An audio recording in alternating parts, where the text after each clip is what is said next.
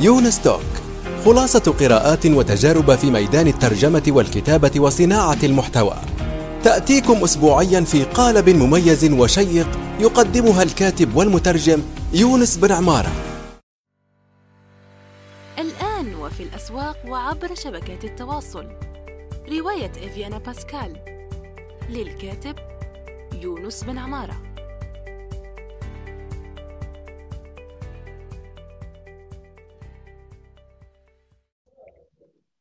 السلام عليكم ورحمة الله وبركاته. صباح الخير أو مساء الخير حسب الوقت الذي تستمعون فيه إلى هذه الحلقة الجديدة من يونستوك ضيف هذه الحلقة المترجم والكاتب السعودي مروان الرشيد. أهلا أستاذ مروان. أهلا فيك يونس والمستمعين. كيف حالك؟ الحمد لله. كيف حالكم أنتم؟ والله في خير إن شاء الله والحمد لله في نعمة. تمام خلينا نبدأ بهذا السؤال إن شاء الله. المريب نوعا ما. أين ذهبت نقطة مروان نون مروان في حسابك على تويتر؟ هي موجودة لكنها ما هي موجودة في في العيون لكنها موجودة في أذهان القارئ. آه. لأنه العارف بتاريخ في بتاريخ اللغة العربية يعرف إن بداية الكتابة العربية كانت بدون نقاط.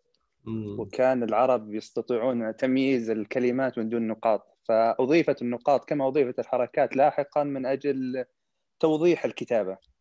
فطريقة كتابة الاسم آه، أبغى الناس يعني يستعيدون تاريخ الكتابة العربية ويستعيدون آه، يعني آه، يبين لهم اهتمامي بالتطور التاريخي للغة. فمن بين التطورات إضافة النقاط وإضافة علامات التشكيل. آه فلذلك أكتبها بالطريقة هذه. هي هي لفتة مهمة جدا وأنا أحييك عليها. طيب آه، خليني قبل يعني ما أسألك أنت كيف يعني ماذا درست وغيره آه، هو في شخص اسمه يوسف من متابعيك يوسف عوني أعتقد آه، يوسف عوني 14 نحييه من هنا.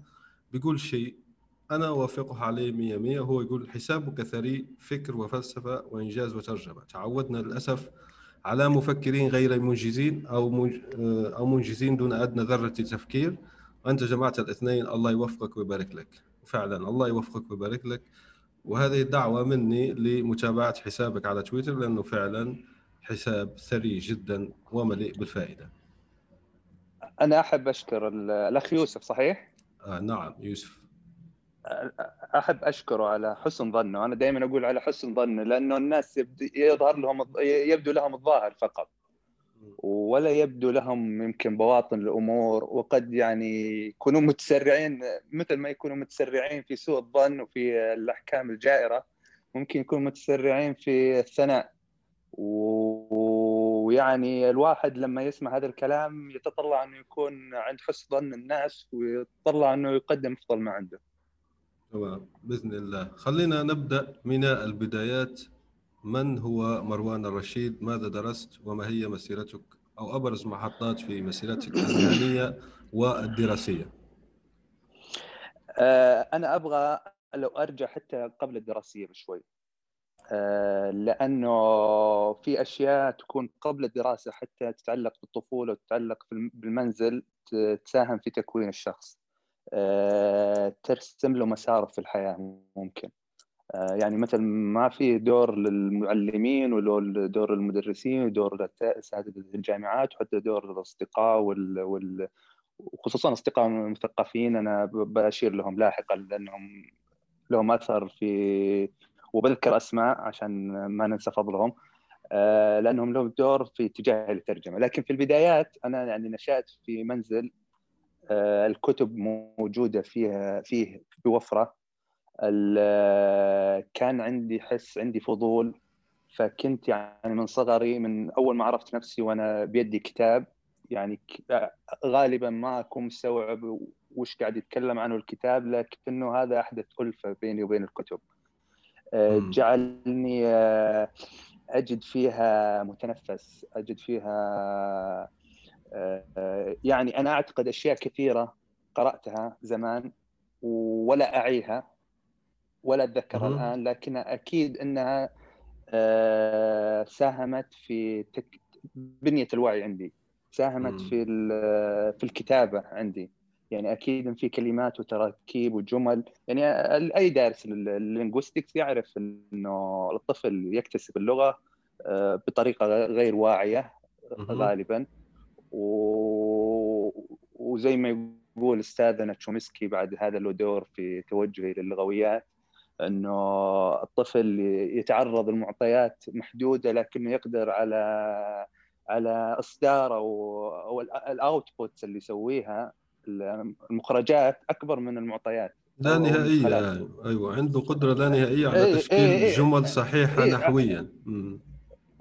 إي على التركيب يعني مع إنه يعني الأشياء اللي قاعد يصدرها مو اللي أو الأشياء اللي قاعد يتلقاها محدودة محدودة مع ذلك نور. عنده قدرة انه إيه صح. فلذلك يعني أنا أعتقد إن هذا كان له دور كبير في توجهي أو على الأقل خلينا نقول تطلعي للكتب وتطلعي لأني أكون جزء من يا تأليف الكتب يا ترجمة الكتب المهم إني أكون يعني حياتي تكون آه، عندها علاقة بهذا لا, إي لا لا علاقة بالكتب. صح صح. حلو جدا. بعدين شو عملت؟ يعني شو درست؟ أو آه، كيف انتهى بك المطاف مترجما؟ أنا الطريق آه، ما كان ما كان مستقيم ولا كان واضح وكان في مشقات وكان في التواءات وكان في منعرجات. آه، لأنه آه، لما خلصت الثانوية كنت أنا دارس آه، علوم طبيعية يعني مو قسم ادبي يعني أنا كنت مؤهل إنه أدرس يعني تخصصات زي الطب زي الهندسة زي الفيزياء زي يعني ما كان تخصصي أدبي بحت. ما كنت وقتها عارف أنا وش أبغى. ما كنت أدري أنا إيش أبغى أصير؟ إيش أبغى أشتغل؟ إيش إيش الشيء اللي راح أستمتع فيه؟ آه، آه، ف شو اسمه؟ يعني ففت... في فترة مريت فيها أقدر أسميها فترة التيه بين الج... بداية الجامعة وبعد الثانوية. هذه الفترة هي اللي بدأت فيها عندي القراءة المنظمة، القراءة الموجهة، آه، يعني تفريقا لا عن القراءة السابقة قراءة الطفولة اللي كانت يعني قراءة كذا فوضوية وأي شيء يقع في يدك تقرأه وفي أشياء تفهمها وشيء ما تفهمها وشيء ولا في حاسة تمييز ولا حاسة النقدية اللي تخليك تميز هل هذا اللي أنت تقرأه صحيح أو خاطئ هل هذا مفيد ولا مفيد؟ يعني آه، فبالفترة هذه هي اللي بدأت بديت فيها أقرأ قراءة واعية إن صح التعبير. آه ف أثناءها ما كنت أدري وش أبغى فبداية دراستي درست إدارة أعمال. درست يعني ما يقرب من سنة لكن أه. حسيت إنه مو الشيء اللي أنا أبغاه مو الشيء اللي أبغى أستمر فيه. أه فتركت الجامعة وسافرت إلى المملكة المتحدة بريطانيا. بقيت فيها على ما يقرب من السنة أيضا. درست فيها اللغة الإنجليزية وبعد عودتي آه، من بريطانيا رجعت والتحقت في الجامعة في جامعة أخرى غير الجامعة الأولى آه، وبديت فيها بدراسة اللغة الإنجليزية. الفترة هذه الفترة البريطانية نقدر نسميها يعني أكيد انها مو ما تقارن بالفترة البريطانية حقت كارل ماركس لكنها فترة كانت غنية بالنسبة لي. آه وعتني على أشياء كثير. آه، أنا رحت بالفترة تقريبا 2008 2009 تعرف ذاك الوقت كانت ال social media وال, وال يعني العالم الاجتماعي هذا المواقع التواصل الاجتماعي ما كانت ذاك الانتشار. يعني كان في بدايات تويتر بدايات فيسبوك ويعني ما كان يعني كان في منتديات ممكن. صح. فبذاك الوقت ما كان ما كان في ملهيات ومشغلات زي ما الآن موجودة. الان صح. الواحد لما يكتب لما يبي يشتغل ولا يترجم ولا يقرأ كل شيء يشيك على تويتر من رد علي وش آخر آه، شيء في ال في الانستغرام الستريم يعني في في مشغلات كثيرة. وطبعا وقتها حتى الهاتف الذكي ما كان ما كان ذكي جدا. صح. كان ف... الويب 2 يعني في بداياته يعني خارجين من الويب 1 داخلين في الويب 2 فقط إيه، يعني إيه أيوه. إيه. فاللي أفادني ذيك الفترة كنت أقرأ كثير. يعني كنت كان وقتي مقسم بين دراسة اللغة الإنجليزية وبين القراءة. أول ما أطلع من المعهد حتى وأنا في في الباص من الشقة للمعهد معي كتاب وأنا طالع معي كتاب. اللابتوب كان ممتلئ كتب إلكترونية. خليني أسألك سؤال ممكن أقاطعك وأسف على المقاطعة وكذا. أنت الآن لما بتاخذ كتاب في المملكة المتحدة هل لما تاخذ كتاب الآن في المواصلات العامة في السعودية لا يرونك باستغراب. وآسف يعني هذا السؤال مقحم في الوسط بس أنا أثير فضولي يعني. هو هو هو هو السؤال يعني جميل السؤال بس المشكلة إنه بالسعودية ما في ترى مواصلات عامة. إحنا معتمدين على على السيارات الخصوصية. آه، يعني هو مع التوجهات الجديدة في الآن قاعدين يشتغلون على بنية تحتية المواصلات العامه لكن ما أدري المستقبل آه، ماذا سيخبئ. لكن المشكلة الآن الناس كلهم معهم جوالاتهم ويستغلون الوقت في في يمكن المواصلات العامة بالانستغرام والسناب شات وتويتر والألعاب. فلا ندري ماذا سيخبئ المستقبل. مع أن الناس الآن يعني ممكن يكون معهم أجهزة زي الكندل زي الآيباد يعني يقرون فيها بس يعني المهم نرجع لمحور حديثنا.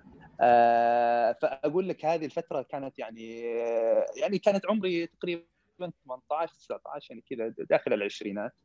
فهذه كانت الفترة تكوينية بالنسبة لي. آه قريت كثير العقاد قريت الزكي مبارك قريت الرافعي قريت آه، يعني كثير من الناس من الكتاب المصري المنفلوطي طبعا. آه فهذه كلهم آه, آه، أقدر أقول إنهم كان لهم أثر في في أسلوبي في الكتابة. آه وما وما زلت متحيز وعندي عندي آه تفضيل للكتاب المصريين أو عموما الكتاب العرب اللي في النصف الأول من القرن العشرين. يعني أرى أنهم هم الفترة الذهبية يمكن للنثر العربي. فالنثر العربي الحديث طبعا. آه، فأقول لك لما رجعت من بريطانيا كان يعني بدأت تصير عندي تصورات. في الفترة حتى البريطانية هذه تعرفت على تشومسكي. تعرفت على تشومسكي في أول بصفته ناشط سياسي. ناشط سياسي آه، وش يسمى؟ contrarian يعني معارض لل mainstream آه، فهذا كان شيء جاذب بالنسبة لي يعني كمفكر ومثقف عمومي أمريكي. آه، ومن هذا المدخل تعرفت عليه تشومسكي باعتباره لسانيا طبعا تعرف الشباب يمكن يتأثرون يعني يشوفون الشخص هذا يتأثرون فيه كمثقف عمومي ومن هذا التأثر يأخذهم التأثر إلى اهتمامات نفس هذا المثقف أو المفكر الأخرى. فاتجهت للسانيات من هذا المدخل. آه، فلما عدت من بريطانيا وانجلترا آه، انضممت للجامعة بتخصص اللغة الإنجليزية. الجامعة اللي انضممت فيها ما كان فيها مسارات أو تخصصات كانوا يدرسون كل شيء مع بعض. كانوا يدرسون الأدب وكانوا يدرسون اللسانيات والترجمة ولا وأعتقد هذه التخصصات الموجودة. آه، فأتيح لي إني أتعرض لل أكثر من تخصص في اللغة الإنجليزية يعني إلى حتى يعني ما زال أنا عندي اهتمام باللسانيات الأدب يمكن أقل الأدب الإنجليزي بس الآن يعني اهتمامين الأخيرين اللي يعني خرجت منهم من الجامعة كان اللسانيات وال وال والترجمة. يعني وجدت المسار اللي تلاقي فيه راحتك ونفسك وأمرك يعني اللي بتشوفه أنه فيك تقدم فيه الجديد يعني في العالم. آه اي يعني هو هذا مكاني. هذا اللي أعتقد إنه آه آه زي ما يقولون بالإنجليزي my calling يعني ال ال الشيء اللي اللي يدعوني للعمل فيه. أو يعني حتى حتى لو ما كان في دعوة بس إني هو الشيء اللي أجدته اللي شعرت إني هذا هذا اللي هذا اللي أقدر أسويه في الحياة هذا اللي أقدر أقدمه في الحياة. تمام. آه، آه، أنت ترجمت ثلاثة كتب حتى الآن. في الكتاب الثالث يعني ما حكيت آه، لسه يعني لم تفصح عنه ما هو. خلينا اذا يعني إذا فيك أنك تعطينا حتى لمحات هنا يعني حصريا على يونستوك يا ريت يعني اكون لك شاكرا. أه والله يسعدني إنه يعني يكون الإعلان عن الكتاب عن طريقكم. هو الكتاب أه قريب الصلة بالكتاب الأول اللي هو كتاب العدالة. كتاب العدالة كان اللي مايكل ساندل. أه كان كتاب العدالة عن الفلسفة السياسية وطبعا يدخل فيها الفلسفة الأخلاقية. أيوه. وكان كتاب كان ساندل يعني كتاب مبسط وموجه ممكن للقارئ العادي أو الغير مهتم أو غير متعمق. أما الكتاب الأخير فهو أكثر تخصصيا تخصصية يعني وأكثر تعمقا وأكثر تجريدا. والكتاب بعنوان مدخل إلى مدخل إلى أو مقدمة في علم علم الأخلاق. آه الكاتب الكاتب الكتاب بروفيسور مو مشهور اعلاميا لكنه يعني بروفيسور متخصص بالفلسفة في جامعة اوكسفورد آه اسمه جون دي. آه الكتاب زي ما قلت إنه أكثر تجريدا وأكثر آه وأكثر آه تعمقا في النظريات الأخلاقية. يعني يتناول نظريات أهم النظريات منذ أفلاطون يعني دائما يؤرخ بالفلسفة مع أفلاطون. آه على اعتبار إنه يعني آه آه يعني اعتبار إن سقراط مخلوق أفلاطوني. صح. ف ومرورا بأرسطو.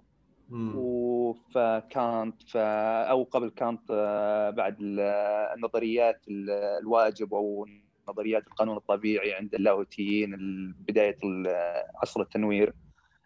فكانت فالنفعيه فالوجودية في النظريات الأخلاقية الوجودية. أسأل أسألك هنا سؤال يعني حتى لو آسف يعني لو قطعتك بس هم ليش يعني يبدون بالفلسفة اليونانية كأن لا فلسفة يعني قبلها مع إنه مثلا الهند عندها فلسفة قبل اليونانية؟ يعني في العالم ككل في فلسفة يعني قبل قانونية. بس خلينا قبل ما تجيب هذا السؤال نشرح ببساطة للمستمعين علم الأخلاق فيما يبحث لأنه علم الأخلاق يبحث في ما هو العدل ما هو الظلم ما هو الحسن ما هو القبيح وأيضا شو هو شو شو يبحث بالضبط علم الأخلاق فلسفيا. آه زي ما تفضلت أنت اي زي ما تفضلت أنت يعني يبحث بالأشياء اللي لها آه ممكن مثل ما عندنا الميتافيزيقا هي الفلسفة النظرية عندنا الأخلاق وعلم الأخلاق والاثكس هو الفلسفة العملية يعني هو اللي يبحث بالأمور المتصلة بالعمل. والمفاهيم اللي تتعلق بالعمل القبيح والحسن الجيد والسيء. كيف يجب أن يعيش الإنسان حياته؟ كيف يجب أن يتعامل مع الآخرين؟ ما هو العدل؟ ما هي الفضيلة؟ كلها أمور متصلة بالحياة العملية.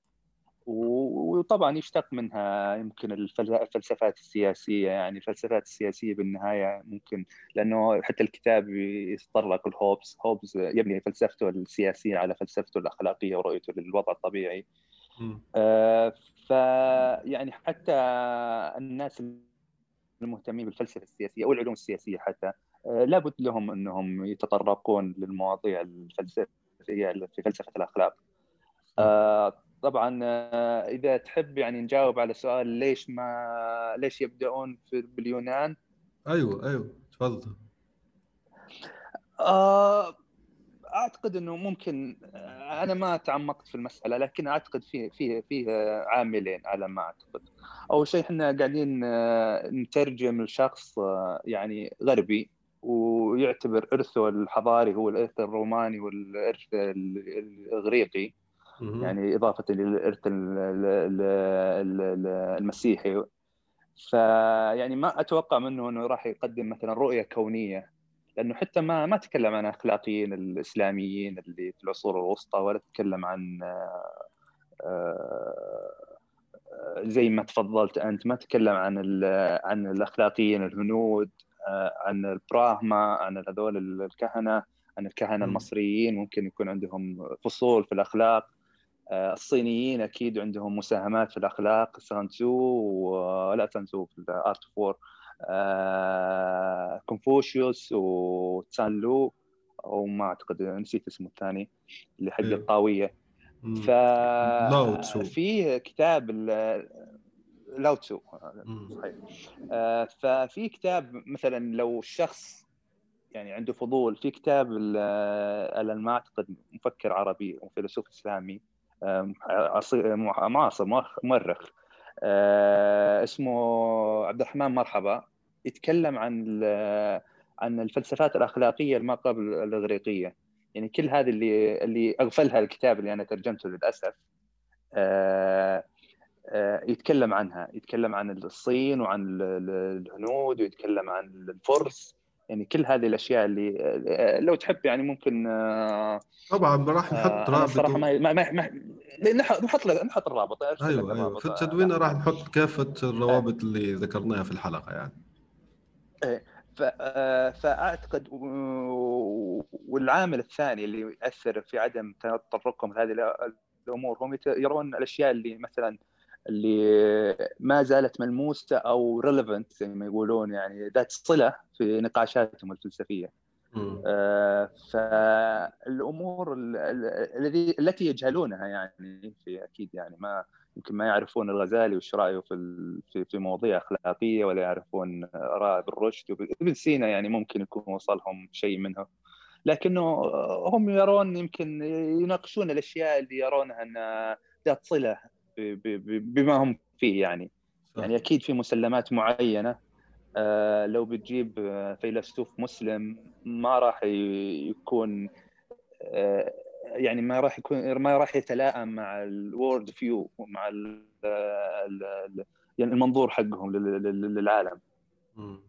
فعلا ونشير هنا إلى نقطة مهمة وأن الفلسفة مش شيء بعيد على العالم خاصة في وقتنا المعاصر فمثلا علم الأخلاق مطلوب وبشدة في عالم الذكاء الصناعي والثورة الصناعية الرابعة التي نعيش فيها. فمثلا الآن وقعنا في إشكاليات كبيرة ولازم آه، سببتها التطورات الحديثة في الذكاء الصناعي فأصبح لدينا هل نحن البشر راح نرضى بحكم أخلاقي مثلا الذكاء الصناعي الذي تستعين به بعض المحاكم في الغرب؟ فهذا السؤال في الحقيقة في حقيقته سؤال فلسفي وليس سؤال تقني. فالآن نحن في عصر دمجت فيه التقنية من الفلسفة الفلسفة الآن خاصة في علم الأخلاق. أصبح لها دور فعال لا غنى عنه في فك المعضلات التي يواجهها عالم اليوم. صحيح صحيح. لأنه آه معلش لو لو أستطرد في هذه النقطة طبعا طبعا. آه، موضوع موضوع علم الأخلاق زي ما تفضلت أنت في مثلا بالخوارزميات اللي تقرر الأحكام آه، على على المتهمين. آه، هذه لها دور. في عندنا موضوع حتى الذكاء الصناعي مثلا بالسيارات ذاتية القيادة. في قرارات أخلاقية لازم تضمن في الذكاء الصناعي. يعني مثلا يقولون لك أمثلة لو مثلا أنت قدام يعني مثلا مثال العربة اللي بالعادة يعني اللي يتطرق له اللي لما يكون قدامك مسارين في في مسار واحد تقدر تقتل شخص واحد وفي مسار ثاني تقدر تقتل أو إنه يستلزم إنه الأول إنك تقتل شخص والثاني تقتل خمسة أشخاص أيهم تختار صح. آه فهذا يعني راح يكون جزء من التركيبه ال decision making حق السيارة ذاتيه القيادة ويعني السيارة هذه راح في الذكاء الصناعي حقها لازم يتضمن أحكام أخلاقية يعني تبرمج فيها. أيوه مسبق آه ش... إيه. والشيء الثاني بعد عندنا مشكلة مو مشكلة يعني قضية قضية ال آه، ال biotechnology اللي التقنيات اللي تزيد مثلا ذكاء البشر. اي اي اللي تزيد ذكاء البشر تزيد قوتهم آه، آه، هل في مخاوف مثلا أن الأغنياء آه، يقصرون هذه التقنية على أنفسهم فيكون يزيد الفرق الطبقي بين المجتمعات لأن الاغنياء هم يقدرون مثلا يحصلون على التقنيات اللي تطيل الأعمار وتزيد الذكاء وتزيد القوة. مثلا قضية الرياضة آه، هل هل لما يكون في رياضي يستخدم هذه التقنيات هل من العدل إنه يتنافس مع رياضي؟ ما هل أصلا لازم نسمح فيها أم إنه هذا راح يفسد الرياضة؟ صح. فعلا. يعني قضايا زي ما حكينا الفلسفة مطلوبة جدا. طبعا لن نتعمق في هذا الموضوع لأنه بده حلقات متخصصة. في في هذا الشيء. تمام. نحن الآن حكينا على كتابك يعني الأخير لكن خلينا بنرجع لكتبك الأولى. بتحكينا عنها بإيجاز يعني كل كتاب بإيجاز. هو مايكل جي ساندل العدالة ما الجدير أن يعمل به. والكتاب الثاني الإحياء والإصلاح في الإسلام دراسة في الأصولية الإسلامية لفضل الرحمن مالك. آه هذول الكتابين الصراحة يعني هم كانوا بدايتي. يعني آه أو خلينا نرجع خطوة. آه قبل الكتابين هذه يمكن عام 2013 بديت الترجمة فعليا. آه بديت الترجمة عن طريق مدونة ما زالت قائمة يعني لو الواحد يبحث عنها يلقاها اسمها وجوه فلسفية. آه كنت أترجم فيها بروفايلات مختصرة و... وقصيرة عن آه، الفلاسفة أشهر الفلاسفة. profile يتكلم عن حياتهم بنبذة قليلة قصيرة مع أهم أفكارهم. آه فهذه كانت بدايتي يعني الترجمة الفعلية. آه الشيء الثاني كنت أترجم مثلا مقالات من التايمز من كذا صحف عالمية. أه وأنشرها للأصدقاء يعني مو ما كانت تنشر أو يعني ما كانت تنشر في مواقع ولا كانت تنشر في في أو كنت مستكتب. أو أو مستأجر من أجل اني اترجمها أه وكانت يعني آه، كانوا كانت الإفادات والفيدباكس كانت كويسة وكانوا يتكلمون إنه يعني ترجمة تضاهي الترجمات الاحترافية وانها ترجمة ممتازة وإنه يعني حتى الترجمات الرسمية ما توصل للمستوى هذه فهذا الشيء شجعني إنه إني أستمر في الموضوع. آه، أما كيف بديت في الترجمة؟ آه، أنا أنا للتو يعني سمعت بودكاستك مع الزميله دلال نصر الله آه، وتكلمت هي عن قيمة أهمية الصلات أو يعني النتوركس في في في العمل في الترجمة وفي يعني الأعمال الثقافية عموما. آه، فأنتم تكلمتوا عن معارض الكتاب. أنا يمكن آه، طريقي كان ممهد أكثر من زملائي وكنت محظوظ أكثر من زملائي المترجمين في بداياتهم إني يعني حلفني الحظ إنه كان لي أصدقاء آه، أصحاب دور نشر وأصدقاء أصحاب مواقع. آه، ف... فكانوا يرون ترجماتي ويثنون عليها وهم اللي شجعوني أو هم اللي أتاحوا لي الفرصة إني أنشر آه، اترجم كتب فمن بينهم كان الصديق يوسف صمعان. هذا مؤسس دار نشر جداول اللي اللي صدر عنها أول كتابين لي وصاحب موقع حكمة. موقع حكمة أتوقع ما يخفى على أحد. آه واللي أنت عندك ترجمات فيه كنت راح أسألك عنه يعني تجربتك مع حكمة و بس انت يعني وصلت له. تفضل. أيوه. حكمة أنا كان لي شغل معاهم حتى قبل ما أترجم. فترة من الفترات كنت يعني أنا ماسك التحرير في في الموقع. آه، من عام يمكن 2010 إلى 2012 2013 كذا. يعني ثلاث سنوات أربع سنوات ممكن مسكت الموقع. آه، يعني مع مع مع يوسف صمان مع الدكتور يوسف صمان بس خليني أسألك آه، ممكن سؤال صعب نوعا ما. هو هذا الحكمة وأحييهم هنا على الجهد الجبار الذي يقوم به. طبعا أنت ضمن ذلك الجهد لأنك مسكت يعني التحرير لهذه الفترة الطويلة. فأحييكم ومؤخرا يعني عملت آه، ترجمة مهولة لمدخلات ستانفورد في الفلسفة. فشيء رهيب.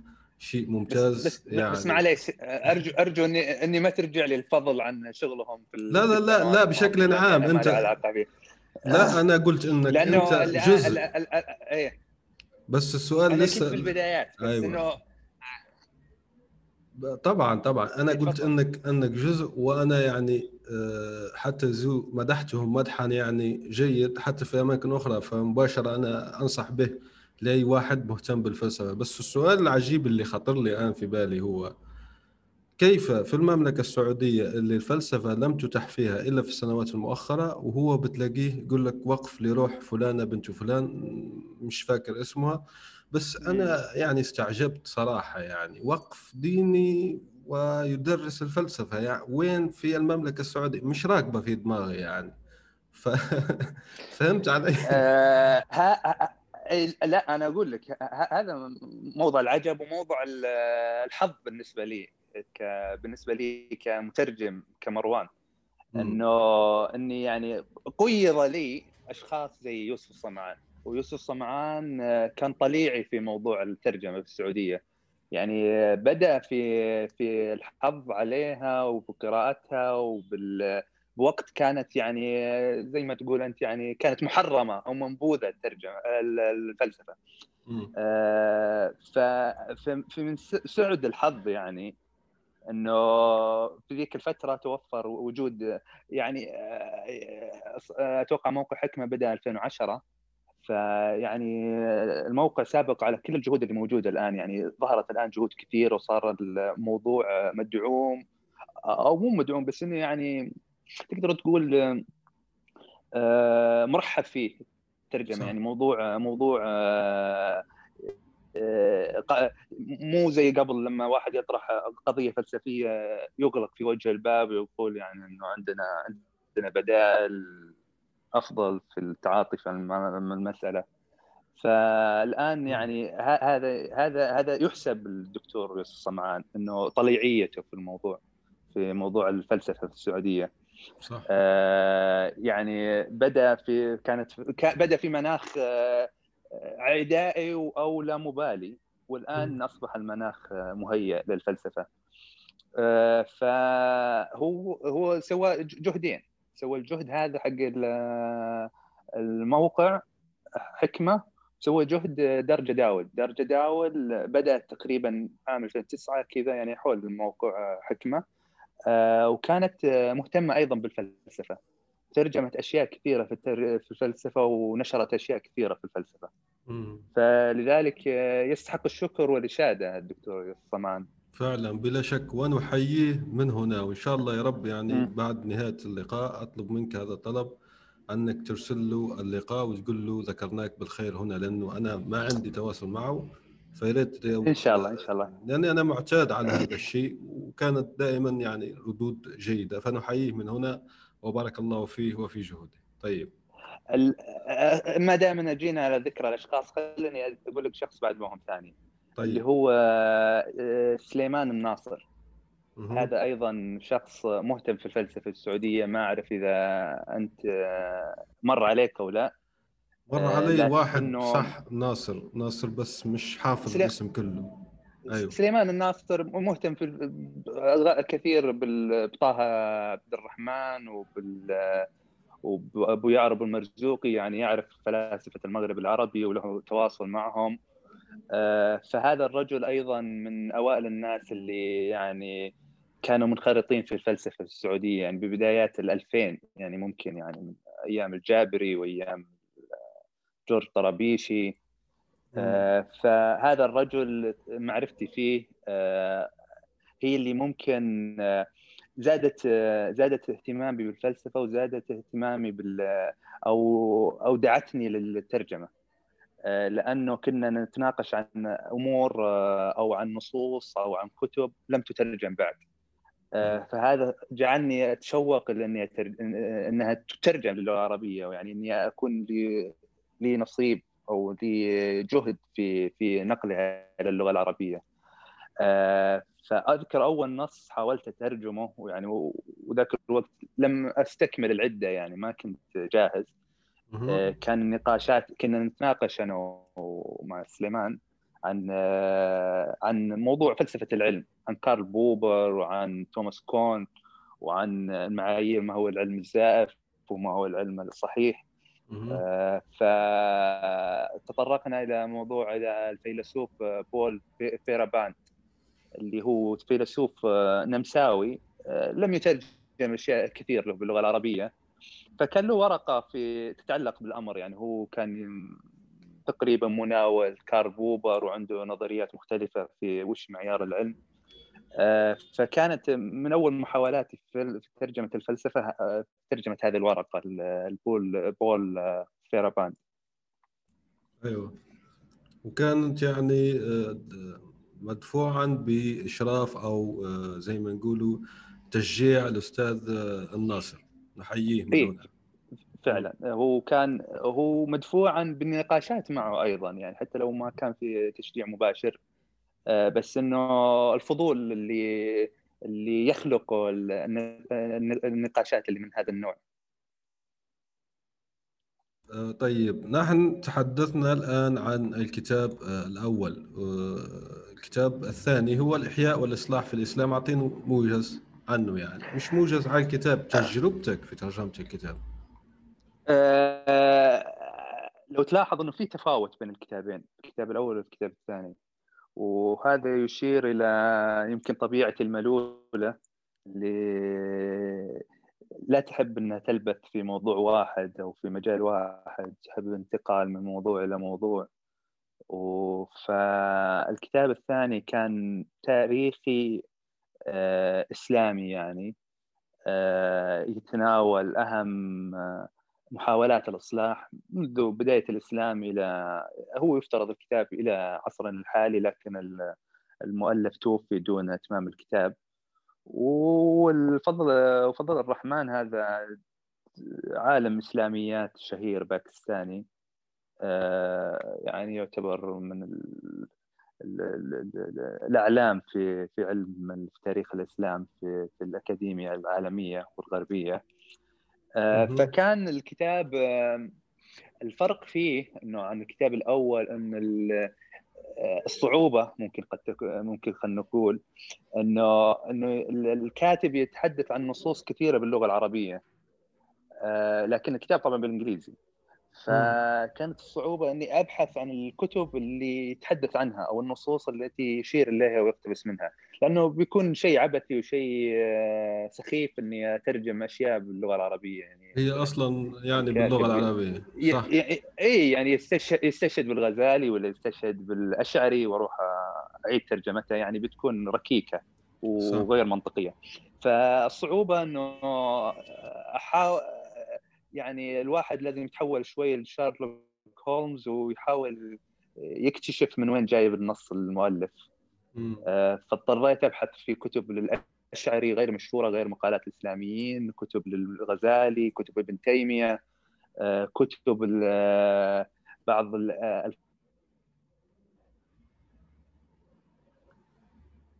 حتى أبحث عنهم كانت مترجمة. ألو. فيه جهد من هذه الناحية أنه أيوة. الصوت الصوت يذهب و... ويأتي. الآن واضح؟ آه الآن واضح تمام ممتاز. كنت أتحدث عن صعوبه بس إيجاد المضان أو إيجاد المصادر اللي يتكلم عنها والبحث عنها في مضانها آه خصوصا لأنه الكتاب شوي قديم أو يمكن مصادره تختلف فالطبعات اللي يحيل لها تختلف عن الطبعات اللي موجودة عندنا اللي بين أيدينا بالعالم العربي. فكان الموضوع يتطلب البحث في الكتب التراثية من أجل مساعده على الترجمة. صح. تمام أه، والحمد لله يعني في عصر الانترنت كانت كان الامر يعني الامر مع انه مرهق مرهق بس ما يكون افضل ما اتصور ما.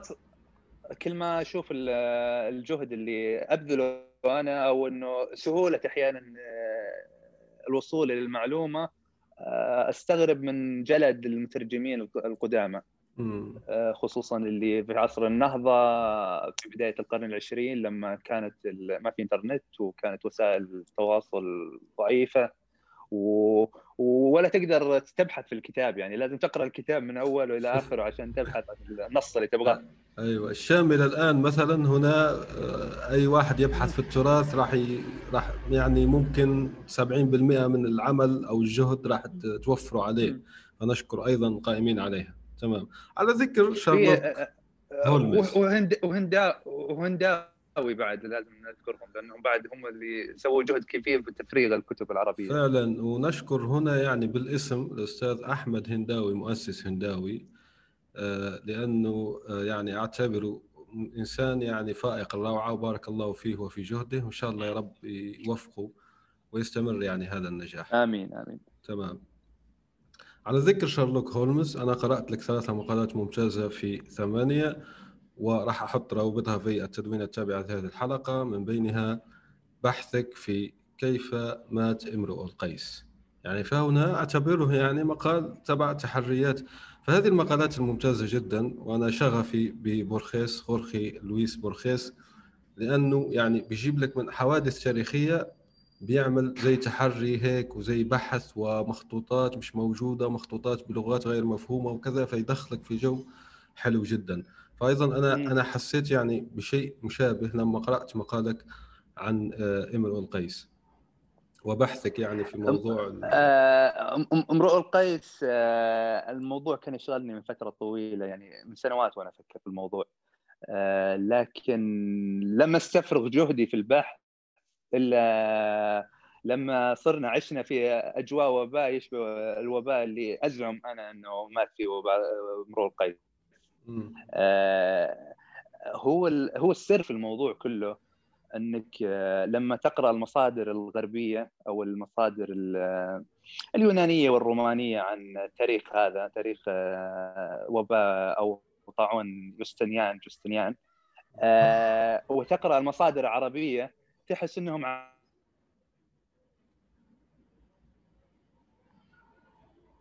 عالمين يحتاجون بس آه، تكتمل صورة. فاللي أنا حاولت إنه أربط بين المؤرخين الغربيين والمؤرخين الإسلاميين والعرب في موضوع آه، يوستنيان وفي موضوع آه، أمرؤ القيس. فمجرد إنك تربط بين الموضوعين هذه أو توصل النقاط اللي بين الموضوعين أو بين المجالين تتبين الصورة. وهذا اللي حاولت أسويه في المقالة. وأعتقد أنك نجحت فيه بامتياز. وأقول لك شيء. نحن العرب يعني بنستقل بضاعتنا صراحة. اقولها لك صراحة. نحن نستقل بضاعتنا. فأنا شخصيا قرأت المستشرقين وقرأت كذا وقرأت كذا. بس هذا المقال مثلا المنشور على ثمانية ما راح تلاقي زيه حتى لدى الغربية أوكي. يعني المعرفة اللي فيه والقيمة اللي فيه ما راح تلاقيها في مكان آخر فأحييك على هذا. طبعا راح نمر على المقالين الآخرين بسرعة لكن خلينا نأخذ أسئلة الجمهور. أوكي. تفضل. أيوه آه، السؤال عندنا الأستاذ آه، واثق شويطر هو اللي عرفني عليك آه، من الأساس. أشكره من هنا. بيقول ما هي نصيحتك لمن يجيد اللغتين ويريد الترجمة لمحتوى خاص بفنه؟ أي لمن لم يتخصص في الترجمة أو يغص فيها؟ مثلا فن يقصد برمجة أو مثلا فن تشكيلي أو خط عربي أو غيره يعني. السؤال هذا دائما يتكرر علي على الناس اللي مجيدين للغة لكنهم لم يدرسوا الترجمة.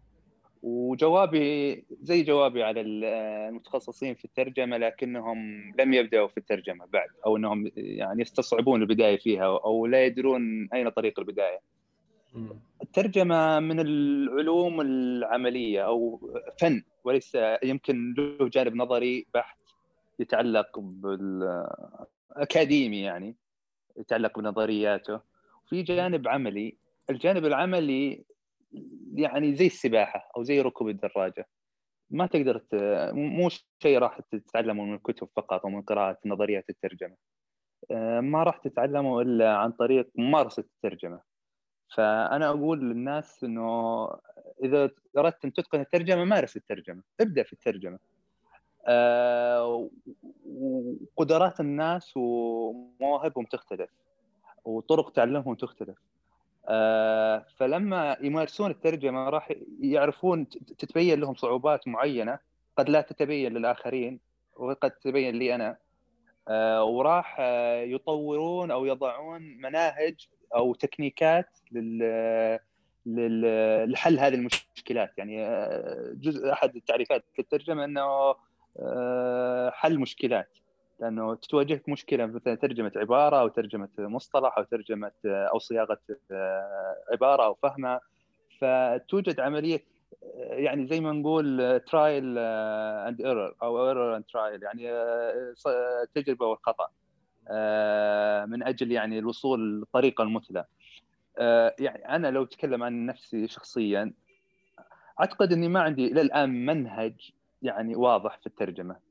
عندي زي الحدس زي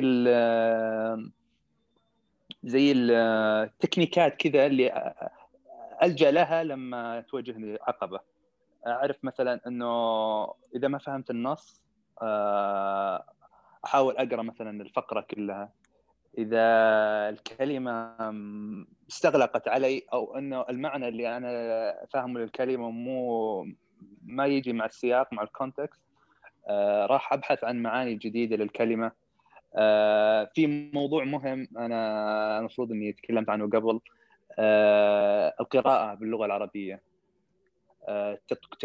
تطوير أو ترقية أسلوبك في اللغة العربية.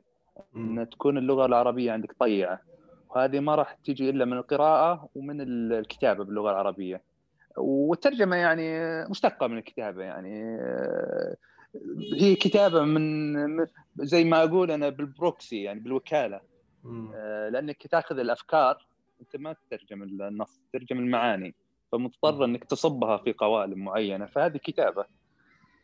صح. فأنا يعني أنصح الناس إنه اقروا للناس اللي لغتهم ممتازة اللي جودتهم جودة السبك عندهم قوي ومتين. لأنه أول ما تشوف المعاني في اللغة الأجنبية راح على طول تجي بذهنك الصيغ أو القوالب اللي تصب فيها هذه المعاني. آه، حتى أنا الشعر أثر فيني كثير. أحيانا بيت شعر أو كلمة في بيت شعر آه، تساعدني في صياغة آه، في صياغة جملة. فلذلك إنه يعني النصيحة لو على كلام الأستاذ اللي يسألني عن كيف يبدأ أو إنه أول شيء الممارسة. قع في الأمر يعني واجهه. لا لا لا تستصعبه. لا تقول لا لازم أنا إلى الآن مو أنا مو جاهز أنا مش عارف إيش. لأنه مع التسويف ما راح تبدأ. وإذا ما بديت ما راح آه، تتطور أسلوبك ولا راح يتطلب قدرتك في الترجمة. الموضوع الثاني إنه القراءة. لازم تقرأ الناس آه، ممتازين في اللغة العربية. إن إذا كانت قراءتك أو كتابتك في اللغة العربية رديئة مهما كان اتقانك للغة الأصل اللي هي ال source text آه، جيد راح الترجمة راح تكون سيئة لأنه الترجمه قائمة على قدمين على اللغة الأصل واللغة ذا إذا كانت إحدى اللغتين ليست مستقيمة عندك أو ليست قوية راح تكون عرجاء الترجمه إذا صح التعبير. صح. ننتقل للسؤال الثاني وهو من الأخ محمد عبر تويتر ويقول الصديق العزيز الجحظاوي هو يقصد أعتقد الجاحظي لأن النسبة إلى الجاحظ هي جاحظي فجحظة لا أحبه هذا هي شخصية يعني من التراث الصديق العزيز الجحظاوي ثقافة هل ترى بالمستقبل القريب توجها شخصيا من قبله؟ يعني من قبلك لترجمة كتب اللسانيات عن لغات أخرى مثلا أو إعادة إحياء للغات قديمة ربما لاتينية بمسار غير الفلسفة؟ شكرا يونس على الليلة الجميلة بمعية الغالي مروان. تمنياتي بحلقة مثرية وماتعة. إن شاء الله يا رب. آه، أنا الآن آه، ترجماتي السابقة كانت كلها non-fiction يعني ما ما ترجمت في الرواية ولا في القصة. آه، مع إني عندي تجربة وحيدة في الرواية في القصة. ترجمت لجويس قصة متوسطة الطول. نشرت في حكمة لو الواحد يبحث عنها ممكن يلقاها. هذا في أيام الدراسة. ف يعني أنا أخذتني ترجمة في ال في ال في ال في النون فيكشن في ال في ال يعني في المواضيع التاريخية والفكرية عن الترجمة الأدبية. ولعلي في القريب العاجل إما أني أترجم شيء جديد أو أنه أعيد ترجمة إحدى الكلاسيكيات زي ما حتى سمعت نقاشك أنت والأخت دلال عن عن ضرورة إعادة ترجمة بعض الكلاسيكيات. آه، فأنا رأيي يعني إنه كل عصر كل عصر له ترجمة كل جيل له ترجمته. صح. آه، فلا مندوحة من إعادة الترجمة. لكن أنا على على زي ما الأخ السائل أطرى موضوع اللاتينية أنا عندي مشروع أو عندي رغبة في إنه يترجم ششرون للغه العربية الفيلسوف الروماني. وأنا فعلا شرعت في بداية ترجمة إحدى كتبه. آه، طبعا شوشرون ما, ما يعتبر فيلسوف أصيل يعني زي ولا عنده مساهمات أصيلة في الترجمة لكنه يسمى فيلسوف تلفيقي. يعني جمع جمع جمع مشارب مختلفة في الفلسفة اليونانية. وهو اللي هو الذي صاغ اللغة الرومانية اللغة اللاتينية لأجل أن تكون لغة فلسفية ولغة علمية. يعني حتى من غلو بعض بعض الكتاب غلو الكتاب اللاتينيين خصوصا في عصر النهضة أنهم يعدون آه، أي كلمة لاتينية لم ترد في في في كتابات ششر كلمة كلمة مولدة أو كلمة مستهجنة ولا يجب لا يجب الأخذ بها. يعني صار ششر بالنسبة للغة اللاتينية زي زي الشعر العربي الجاهلي والقرآن معيار للغة في سلامه اللغة. ف آه، لماذا اهتمام بالششرون؟ الجهة الأولى أنه آه، أنه على اعتباره أنه مترجم وناقل وشارح للفكر اليوناني يعني هو اللي ادخل الفكر اليوناني لل... لل... لل... للحضاره الرومانية وجعل اللغة اللاتينية طيعة للفكر الفلسفي والعلمي. يعني الرومان ما كانوا قبله ما كانوا مشتهرين بالفلسفة ولا بالعلم ولا كانوا مشتهرين أهل حرب وأهل غزو وأهل فتوحات. فهو اللي احدث هذه النقلة. آه، وأجد فيه آه، نفس الدور الذي قام فيه المترجمين العرب في عصر الترجمة أيام المأمون. لما أدخلوا العلوم السريانية واليونانية والفارسية. ويعني أجد فيه شخص يشابه دور لنقل ابن مقفع في الحضارة العربية والإسلامية. آه إنه صاغ صاغ آه عاد ترجمة ترجمة لكن بترجمة غير مباشرة ترجمة زي ما فعل آه، في كليلة ودمنة آه، ابن مقفع ترجمة يعني أدبية وترجمة فيها فيها تصرف فيها حرية. إبداعية يعني. الشيء الآخر آه اي إبداعية. آه الشيء الآخر إنه على أهمية ششرون في الحضارة الغربية إلا إنه مجهول في الحضارة العربية. حتى يعني ما كان معروف لدى العرب قديما. يعني أنا أنا بحثت بعض الشيء إشارات يمكن إن كانت في إشارات لششرون فهي إشارات يعني قليلة جدا ولا تغني. آه، فأعتقد انه توجد الآن عندنا ثغرة في الحضارة العربية المعاصرة في في معرفة ششرون وقراءة كتبه. وعلى يعني آه، بصفته يعني مفكر وكاتب وأديب آه، وفيلسوف له وزنه عالميا. صحيح. يعني فأنا شرعت فانا شرعت في كتاب اسمه كتاب في الآلهة. أه.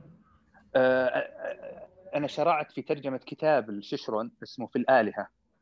أه يتناول آه، يعني فيه الكتاب هذا كم هائل من الآراء ومن الأسماء الفلاسفة اللي فقدت الآن آه، مؤلفاتهم وفقدت من الرومان واغلبهم اليونانيين آه، في موضوع مثلا وجود الآلهة صفات الآلهة أي علاقة للآلهة بالعالم وبالبشر. يعني الكتاب ثروة جدا في موضوع يعني الأشخاص مثلا المهتمين في علم الكلام في, في الإسلام آه راح يجدون فيه آراء جدا ثرية وآراء متنوعة. فهذا الكتاب آه، بدأت فيه لكني الصراحة لم أكمل لأنه يعني أخذتني شواغل أخرى. فهو الآن مشروع مؤجل. اتمنى أن تجد الوقت والفراغ إن شاء الله وتكمله وتثري المكتبة العربية به. إن شاء الله. طيب آه، سؤال سؤالين لدى الأستاذ وأخي محمد منير بوجادي وهو يقول السؤال المتعارف عليه هل قراءة المترجم يعني العمل المترجم تغني عن قراءة الأصل؟ وما رأي الأخ مروان في القول القائل بضرورة قراءة الأصل؟ وما رأيه في القضية بالعموم قضية الأصل والمترجم؟ السؤال الثاني يقول كيف كانت أول تجربة له في الترجمة؟ وأقصد ترجمة نص للعموم أي للقراء؟ آه، السؤال الأول يعني لو الأمر كان بالمطلق كان قلت آه، لو أن البشر آه، يحوزون كل لغات البشرية الموجودة في كل العصور في كل الأزمان قلت إنه اقرأ الأصل. لكن من هو الشخص الذي سيحوز اللغة الألمانية والصينية وال ويقرأ جوتا بالألمانية ويقرأ كونفوشيوس بالصينية ويقرأ دانتي بالإيطالية ويقرأ تشيشرون باللاتينية. يعني شيء مستحيل. ف يعني آه، الترجمة جهد بشري. يعني أكيد إنه لن يفي تماما بالأصل لكنه يقارب الأصل بحسب جودة الترجمة قربها من الأصل وبعدها من الأصل. وزي ما قلنا إحنا آه، هذا ممكن يسد تسد الثغرة بإعادة ترجمه الروائع والكلاسيكيات من فترة إلى أخرى. آه، لأنه المدارك تختلف المعرفة تختلف الأسلوب يختلف من فترة لفتره ف ما دام إننا بشر ولن نستطيع حيازه جميع لغات العالم قراءة جميع النصوص بأصولها آه، فنحن يعني مضطرين ولا بد لنا من الترجمة. ولكن يعني إذا سألتني يعني مثلا أنت يعني شخص تقرأ تجيد الفرنسية أو تجيد الإنجليزية وسألتني هل أقرأ فولتير بترجمة فلان أو أقرأها بالاصل بقول لك أقرأها بالاصل لأنه أكيد إنه في في طلاوة الأسلوب وفي أشياء في في المعاني الفرنسية ما راح تلقاها في الترجمة يعني اشياء ستضيع في الترجمة زي ما يقولون. أو هل أقرأ شكسبير بالإنجليزية؟ ما اقرا مترجمة. بقول لك اقرأ إذا كنت تجيد الإنجليزية. آه وهكذا يعني. بس إنه بما أننا إنجليزية شكسبير على فكرة لأني أسمح لي حتى لو قطعتك أنت ذكرت في إحدى مقالاتك انه الإنجليز يعني مقالاتك عن آه، الدلاليه في معجم العربي آه، الإشارات الدلالية أو شيء من هذا القبيل انه لغة شكسبير ليست اللغة الإنجليزية الحالية. آه هي تنتمي إلى اللغة الح... يعني لسانيا تنتمي إلى اللغة الإنجليزية الحديثة. ما هي بالإنجليزية القديمة ولا الوسيطة. لكنها من طبيعة يعني يعني مثل ما آه، نحن الآن نتكلم لغة جاحظ ولغة مقفع ولغة آه، آه، غيره يعني من القدماء من كتابنا المتقدمين لكن نجد صعوبة في فهم في فهمه من أول مرة ليس كما نقرأ الجرائد ونقرأ الروايات الحديثة الصادرة الآن. لأنه توجد يوجد انزيح انزياح دلالي. يعني أو إنه يكون في أشياء في عالمهم موجودة بالتقنيات في الأزياء في الأعراف ما هي موجودة في عالمنا. فرغم أن اللغة هي اللغة لكن نجد صعوبة وعنف في فهم الجاحظ ونحتاج إنه نرجع للقواميس ونرجع للهوامش حقت المحققين لأجل أن نفهم الجاحظ على وجهه. آه، فمن هذه الجهة أنا أقصد إنه لغة شكسبير تختلف عن اللغة المعاصرة آه، الإنجليزية المعاصرة. لكنها هي هي نفسها من حيث الأساس يعني. structurally و grammatically يعني هي نفس اللغة ما تغيرت. أيوه تمام. وبالنسبة للسؤال الثاني تبعه ما هي أول يعني أعتقد أنك حكيت عنها بس توسع فيها قليلا مو مشكلة يعني. أول تجربة لك في الترجمة للعموم للقراء. أه أول ظهور لك يعني مش في أدراجك أو غيرها.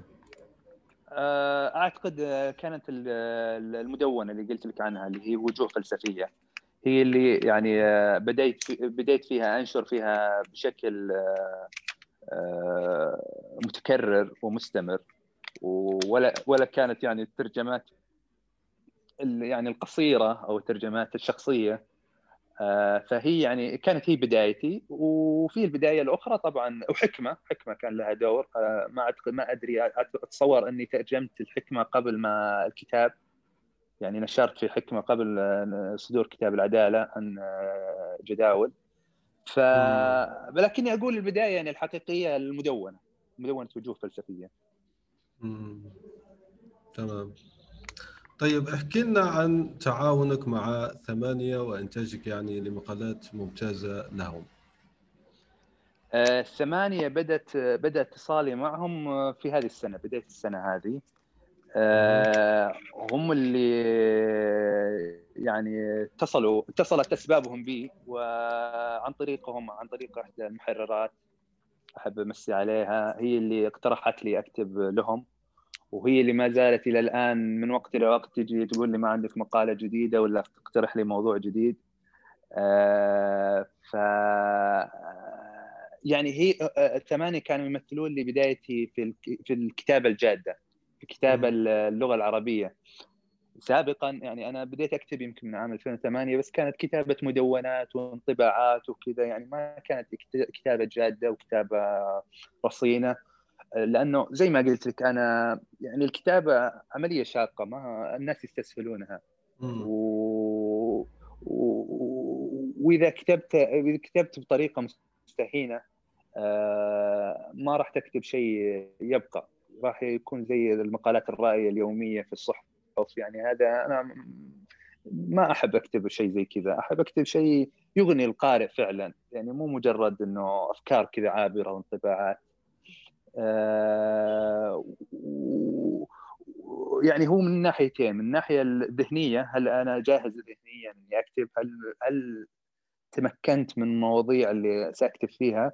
ومن الناحيه الأسلوبية هل أسلوبي راح يكون آه ممتع وشيق ومفيد للقارئ آه، فهذا اللي جعلني أجل موضوع الكتابة كثيرا وأركز على الترجمة يعني حتى الترجمة كنت أعتبرها آه، تدريب للكتابة أو إنه يعني تمرينا شكل من أشكال التمرين على الكتابة. طيب ممتاز جدا. أنت ذكرت في مقال لك في ثمانية عن عن الترجمة يعني. فقلت قلت ما يلي ولما كنت أعمل في ترجمة إحدى الكتب بعنوان جاستس الذي صدر بعنوان العدالة ما الجدير وأن يعمل به خطر لي أن أترجم العنوان بالقسطاس. آه، أخذا بهذه الصلة الطريفة بين هاتين المفردتين أي جاستس والقسطاس على بعد المسافة بينهما ولكني أحجمت عن هذا لندرة اطلاع الناس بهذه الوشيجة وآثرت الترجمة السائرة. طيب وفي المعاجم القديمة جاءت مادة جحفلة وأنت ذكرت يعني في لاعب آه، فقلت م. أنه الجمهور السعودي دخل كلمة لديها يعني آه، معنى أصلا في اللغة العربية وهي جحفله طيب في ظل الآن أطلقت المملكة حديثا آه، مجمع الملك سلمان للغة العربية ووزارة الثقافة وفيه جهد طيب أيضا لمجمع جمع اللغة العربية على الشابك الذي يشرف عليه خبراء سعوديين وأيضا في مجمع الافتراضي. يعني فيه عدة هيئات. طيب أنت تصورك ودعوت طبعا آه، ذكرت اوكسفورد أعتقد هذا أيضا من ثمار آه، المرحلة البريطانية في مسيرتك. ذكرت أن اوكسفورد آه، يصدر قاموس ربع ربع سنوي. طيب أيضا أنا قرأت من أهداف مجمع الملك سلمان للغة العربية إصدار كتاب سنويا مش ربع سنوي كل سنة بيخرج كتاب فيه هذه الألفاظ كذا. طيب أنت بحكم انشغالك بالترجمة والثقافة ما هو تصورك لكتاب أو لقاموس يتابع هذه الأشياء يوفر هذه الأشياء اللي أنت بتحكيها؟ يعني زي Collins زي اوكسفورد زي Merriam Webster زي هذه. المؤسسات الكبيرة. ما هو تصورك وماذا تدعو له الهيئات السعودية من هذا المنبر؟ أه أنا ودي أرجع خطوة للخلف. أنت أتوقع أنه عندكم في الجزائر مطلعين على التجربة الفرنسية أكثر من التجربة يمكن البريطانية في الموضوع اللغوي. صحيح. صحيح جدا. أيوه. آه فأنت تعرفون إنه في الأكاديمية الفرنسية هي اللي مطلعة في تنظيم اللغة الفرنسية واستحداث المعاني الجديدة والألفاظ الجديدة.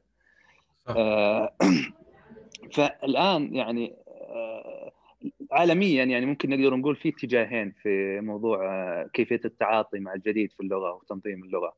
في الاتجاه الفرنسي اللي هو عن طريق مؤسسة حكومية آه، أو هيئة حكومية هي اللي يعني تدير اللغة وهي اللي تنظمها وهي تصدر آه، قواميس وهي تقرر كيف تترجم مستحدثات أو كيف تولد كلمات جديدة. وأعتقد يمكن العالم العربي في بداية العشرينات حاول يعمل بهذه التجربة عن طريق المجامع اللغوية في دمشق ومصر وعلى ما أعتقد بغداد ما أعرف إذا كان في بغداد. آه، لكن فيه الأسلوب الثاني هو الأسلوب اللامركزي في إدارة اللغة اللي هو متمثل في اللغة الإنجليزية. يعني اوكسفورد و... وكامبريدج و... و... و... وعندك في أمريكا ويبستر كلها هذه جهات خاصة يعني هي اللي تنظم اللغة. وتنظيمها للغة مو يعني يغلب عليها الوصفية أكثر من المعيارية. يعني بدل ما تفرض على تطلق فتاوى يعني في حكم بعض الكلمات أه تحاول ترصد كيف تتطور اللغة طبيعيا في المجتمع وتسجل هذه التطورات. صح. آه بس طبعا بس طبعا هذه يعني تواجهنا مشكلة آه، أتوقع أني تطرقت لها في المقالة. اننا لازم ننتبه آه يعني أنا أعتبر نفسي متساهل في الموضوع آه في موضوع تطور اللغة وتطور الدلالات وتطور. لكن يعني اللي يخشى منه إنه انقطاع الصلة بالتراث العربي اذا إذا حدث آه تطور يعني خارج عن النطاق أو خارج عن العقال أو خارج عن التنظيم. فأنا إلى الآن الموضوع مو محسوم عندي، لا أدري أي طريقتين هو أفضل، هل إنه تكون فيه جهات رسمية تحكم اللغة؟ أم إن نترك المتحدثي اللغة هم اللي طيب أقول لك هنا أسف يعني عن مقاطعتك وأقول لك معلومة أنت ممتاز جدا ذكرت أنه فيه يعني طريقتين. طريقة آه، الفرنسية. ليست ناجحة 100 100 لأنه أي شيء فرض خاصة في عصر السيولة اللي نعيشه عصر السيولة يعني الناس ما تقبل تفرض عليها شيء. فأعطي لك مثل بسيط. حاولت الأكاديمية تشجع الفرنسيين على استخدام électronique courrier بدل ال electronic mail بدل كلمة الإيميل. يعني الإيميل شافتها دخيلة على فما نجحت. حاولت حاولت دارت اعلانات اشهارات دعوات كذا أبد. وحدث ذلك أيضا مع كلمات إنجليزية أخرى. دخلت من ناحية التقنية آه، للفرنسية. طيب أنت الآن ما دام المجمع الملك سلمان للغة العربية بده يصدر كتب زي ما حكينا عنها هنا تنظم أو ترصد اللغة وتطورها أنت بما تنصحه يعني آه، بأي منهج يتبع؟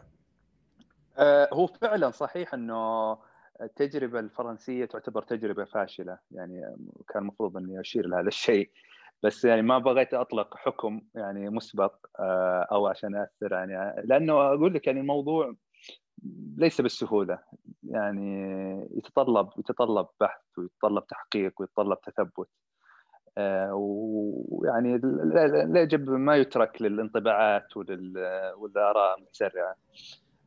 فأقول لك يعني أنا سمعت أعرف أنا مو مطلع طبعا بالثقافة ما أتحدث فرنسية لكن سمعت عن حالات الفشل في ترجمة الكلمات التقنية آه، مثلا كلمة الكمبيوتر أنا ما أعتقد حتى حاولوا يستخدمون كلمة و... و... ولم تشع يعني ماتت في أثناء ولادتها. آه ويعني أشياء كثيرة من خصوصا الاشياء التقنية حاولوا يعني يفرنسونها لكنهم فشلوا فيها يعني ما ما لاقت قبول عند الجماهير. آه صح. ف يعني أنا أنا الصراحه يعني ما أعرف آه، مركز الملك سلمان ما أعرف آه، وش المنهجية. ما اطلعت على المنهجية اللي راح يعملون فيها. لكن اتصور يعني إن كان هو عندهم خطة آسف عندهم خطة مستقبلية بس لساتهم لم يصدر. أعتقد حتى الموقع لأنه هذا شيء جديد من مبادرات وزارة الثقافة يعني مش شيء قديم أو كذا لا هو حديث جدا يعني. آه، أنا إي ما ما الصراحه يعني لم أقف على الأمر يعني ولا أدري عن تفاصيله.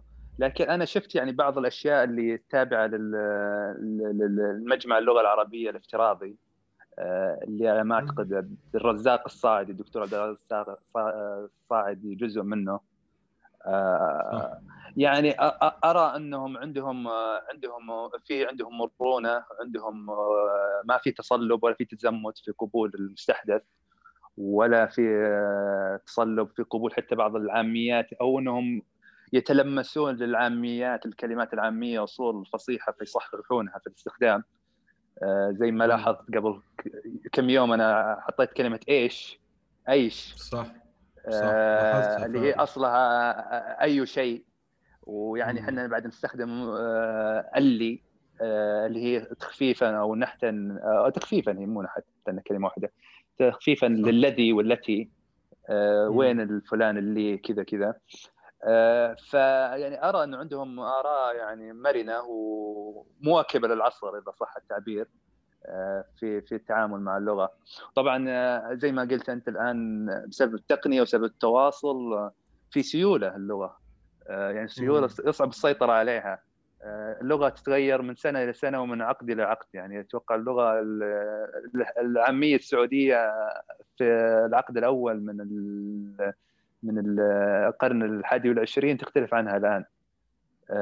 بسبب إنه يعني يعني يعني زي ما تشوف أنت مثلا التواصل بين الشعوب العربية.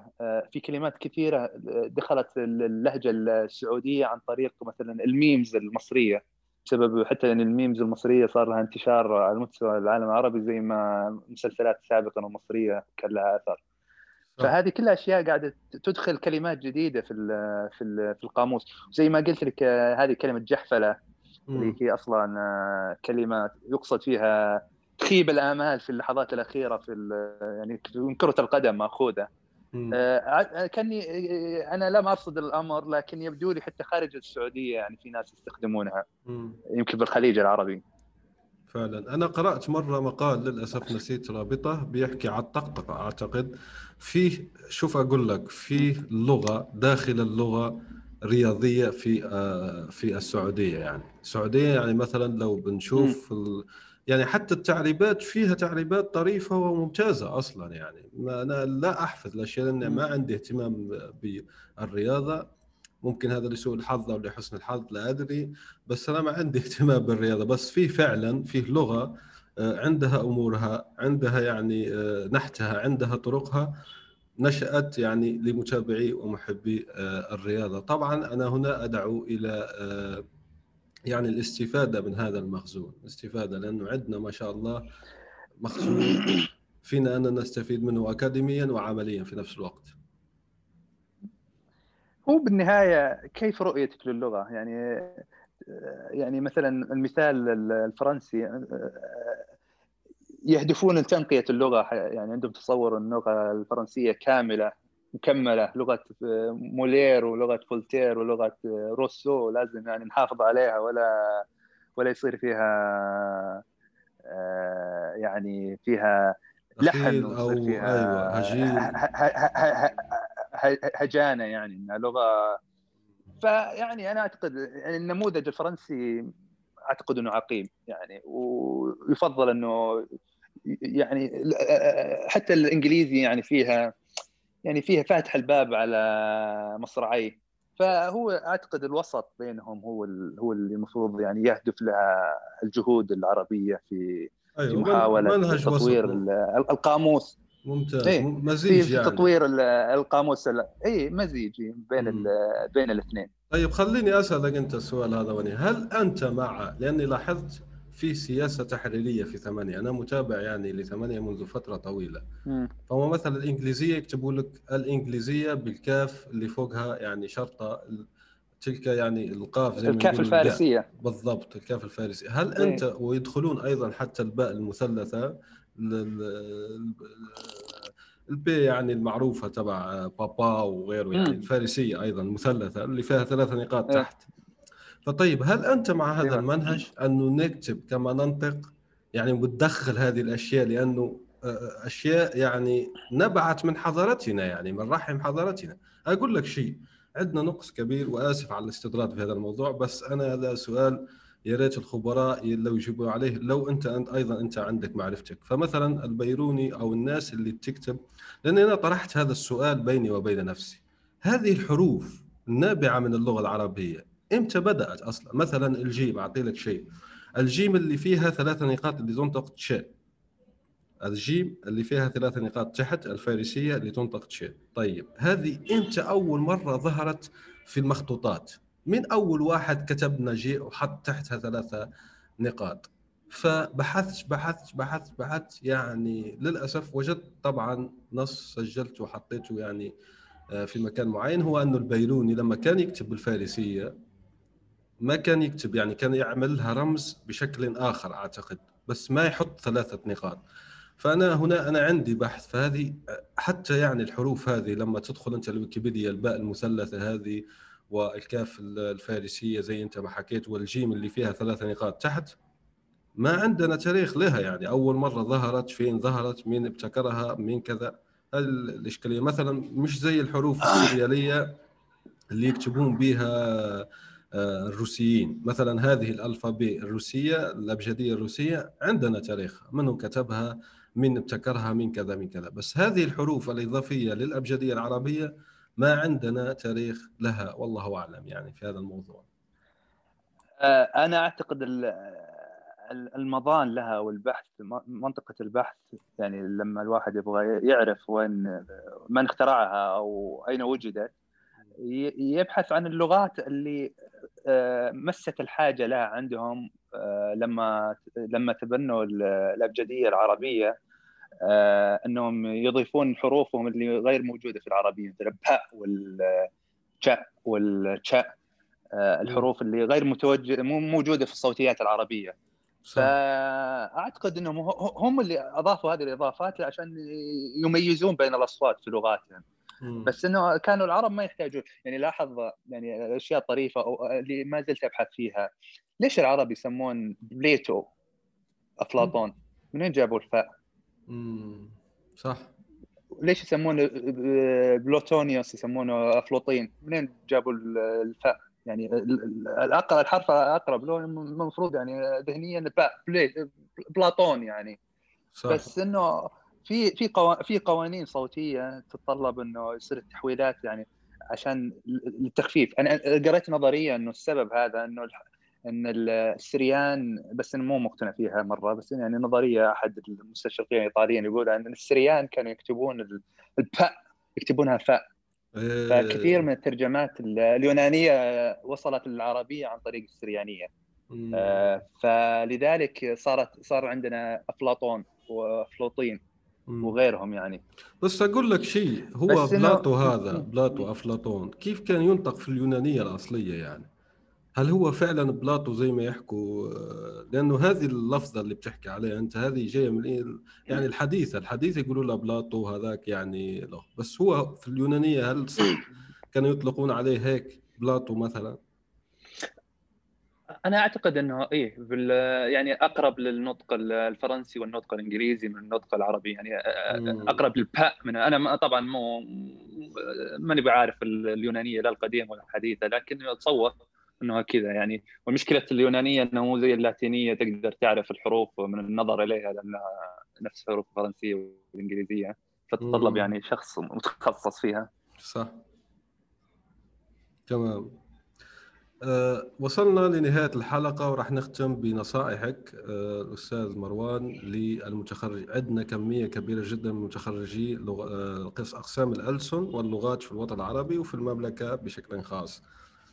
ماذا تنصحهم لمسيرة ترجمية حافلة؟ يعني هل يفتحوا مدوناتهم ويبدأوا يتوكلوا على الله يترجمون وكذا؟ أعطينا من خبرتك. بارك الله فيك.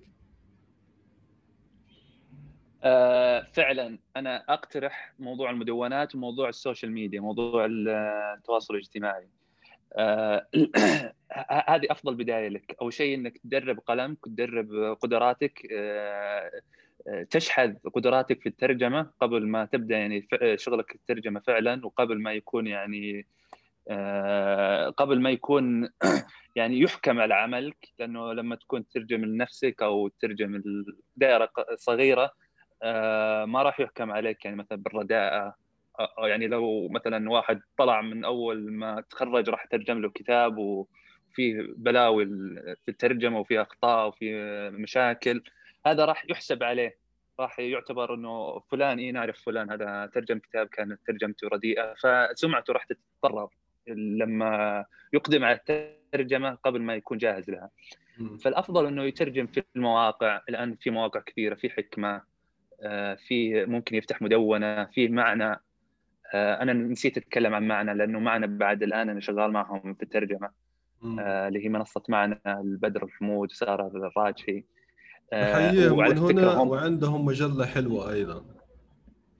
هذه أنا اترجم فيها بعد فعلا صح. الفيلسوف الجديد وعندهم بعد أصدروا الآن مجلة محكمة في الترجمة في الفلسفة. هذه بعد شاركتهم في الترجمة فيها والكتابة فيها. فالآن يعني أنا ما أعرف عن الوضع عندكم في الجزائر ولا المغرب العربي بس أكيد إنه في بعد مواقع تعمل نفسها للعمل. يعني ترحب بالمتطوعين أو المبتدئين وتساعدهم وتساعدهم على النشر. في في المغرب في خلينا نذكر يعني كوة موقع كوة حلو جدا آه للفلسفة بس للجزائر لا ما ما قابلني للأسف يعني. في نقص كبير جدا في هذا الموضوع. طيب آه بس خليني أسألك يعني سؤال صعب آخر أيضا. خليني أو آسف على المقاطعة يعني. خليني أسألك سؤال صعب آخر. أنا لما أشوف معنى وأشوف حكمة وأشوف ليش دائما عندنا نحن هيئات ومبادرات كل واحد يغرد في سلبه وكذا وكذا؟ مثلا أعطي لك سؤال منطقي يخطر لي لما أشوف معنى وأشوف حكمة. لماذا لا يوجد مشروع مشترك يستفيد من خبرة الطرفين؟ حكمة عندها الآن وأنت عامل فيها وأدرى مني. عندها ستانفورد يعني آه، مدخلات ستانفورد كاملة جامعة ستانفورد كاملة في الفلسفة. ومعنا مع انه ناشئة بس تقوم بعمل جد جيد جدا وأطلقت هذه المجلة اللي نحتاجها فعلا وكذا وكذا. ليش ما في مبادرات مشتركة يستفيد الطرفين يعني من بعضهما ويكون أقوى معا يعني زي ما يقول هنري فورد العمل آه، معا هو الطريق الوحيد للنجاح. طيب أنا ليش ما أقول لك بعد أستدل لك في آه، هن في هنري فورد بعد بفائدة المنافسه الصحية. آه، لما يكون عندك منافس يصير هو الحافز لك إنك تقدم آه، مجهود أكبر وإنك تكون يعني يعني هذا المنافس يخلي عندك معيار تحاول تسعى له. يعني مثل ما فورد عنده شركة و Chrysler عندها شركة و و General Motors عندها شركة وكل هذه المنافسة من مصلحة القارئ أو من مصلحة المستهلك. صح. إنه إن آه، وطبعا في موضوع ثاني إنه الاهتمامات التركيزات يعني ممكن آه، معنى يركزون على فلسفة الفن والجمال أكثر. آه، عندك حكمة يركزون على العلم يركزون على السيكولوجي وفلسفة العقل أكثر. فهذه أعتبرها منافسة يعني شريفة ومنافسة صحية. تنوع حلو. واي وهذا يقدم فرص أكبر للمترجمين يعني إذا ما ضبطت لك مع معنا تضبط لك في حكمة ولا العكس ولا غيرها من المواقع. ويعني الساحة تسع الجميع يعني مو ما يحتاج إنه نسوي تجمعات حصرية يعني وإنه هذا مثلا هذول يمثلون الفلسفة هذول يمثلون الأدب مثل ما في مؤلفين كثير مترجمين كثير خليه يصير في مواقع كثيرة. فعلا. أه، أشكرك جزيل الشكر. يعني للأسف يعني وصلنا لنهاية هذه الحلقة وما أحب آخذ من وقتك ومن وقت المستمعين أكثر من ذلك. أنا أشكرك جزيل الشكر أستاذ مروان. وإن شاء الله يا رب يكون عندنا لقاءات أخرى نستفيد وننهل منها من بحر علمك. أشكرك جزيل الشكر وإلى اللقاء أعزائي في الحلقة الم... الآن وفي الأسواق وعبر شبكات التواصل. رواية إفيانا باسكال للكاتب يونس بن عمارة.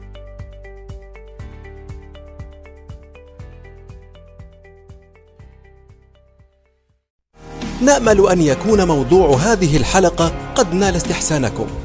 انتظرونا في الأسبوع القادم ولا تنسوا مشاركة الحلقات والاشتراك بالبودكاست. علما أنه بإمكانكم مراسلتنا باقتراحاتكم للتحدث عن أي موضوع يتعلق بالكتابة والترجمة وصناعة المحتوى.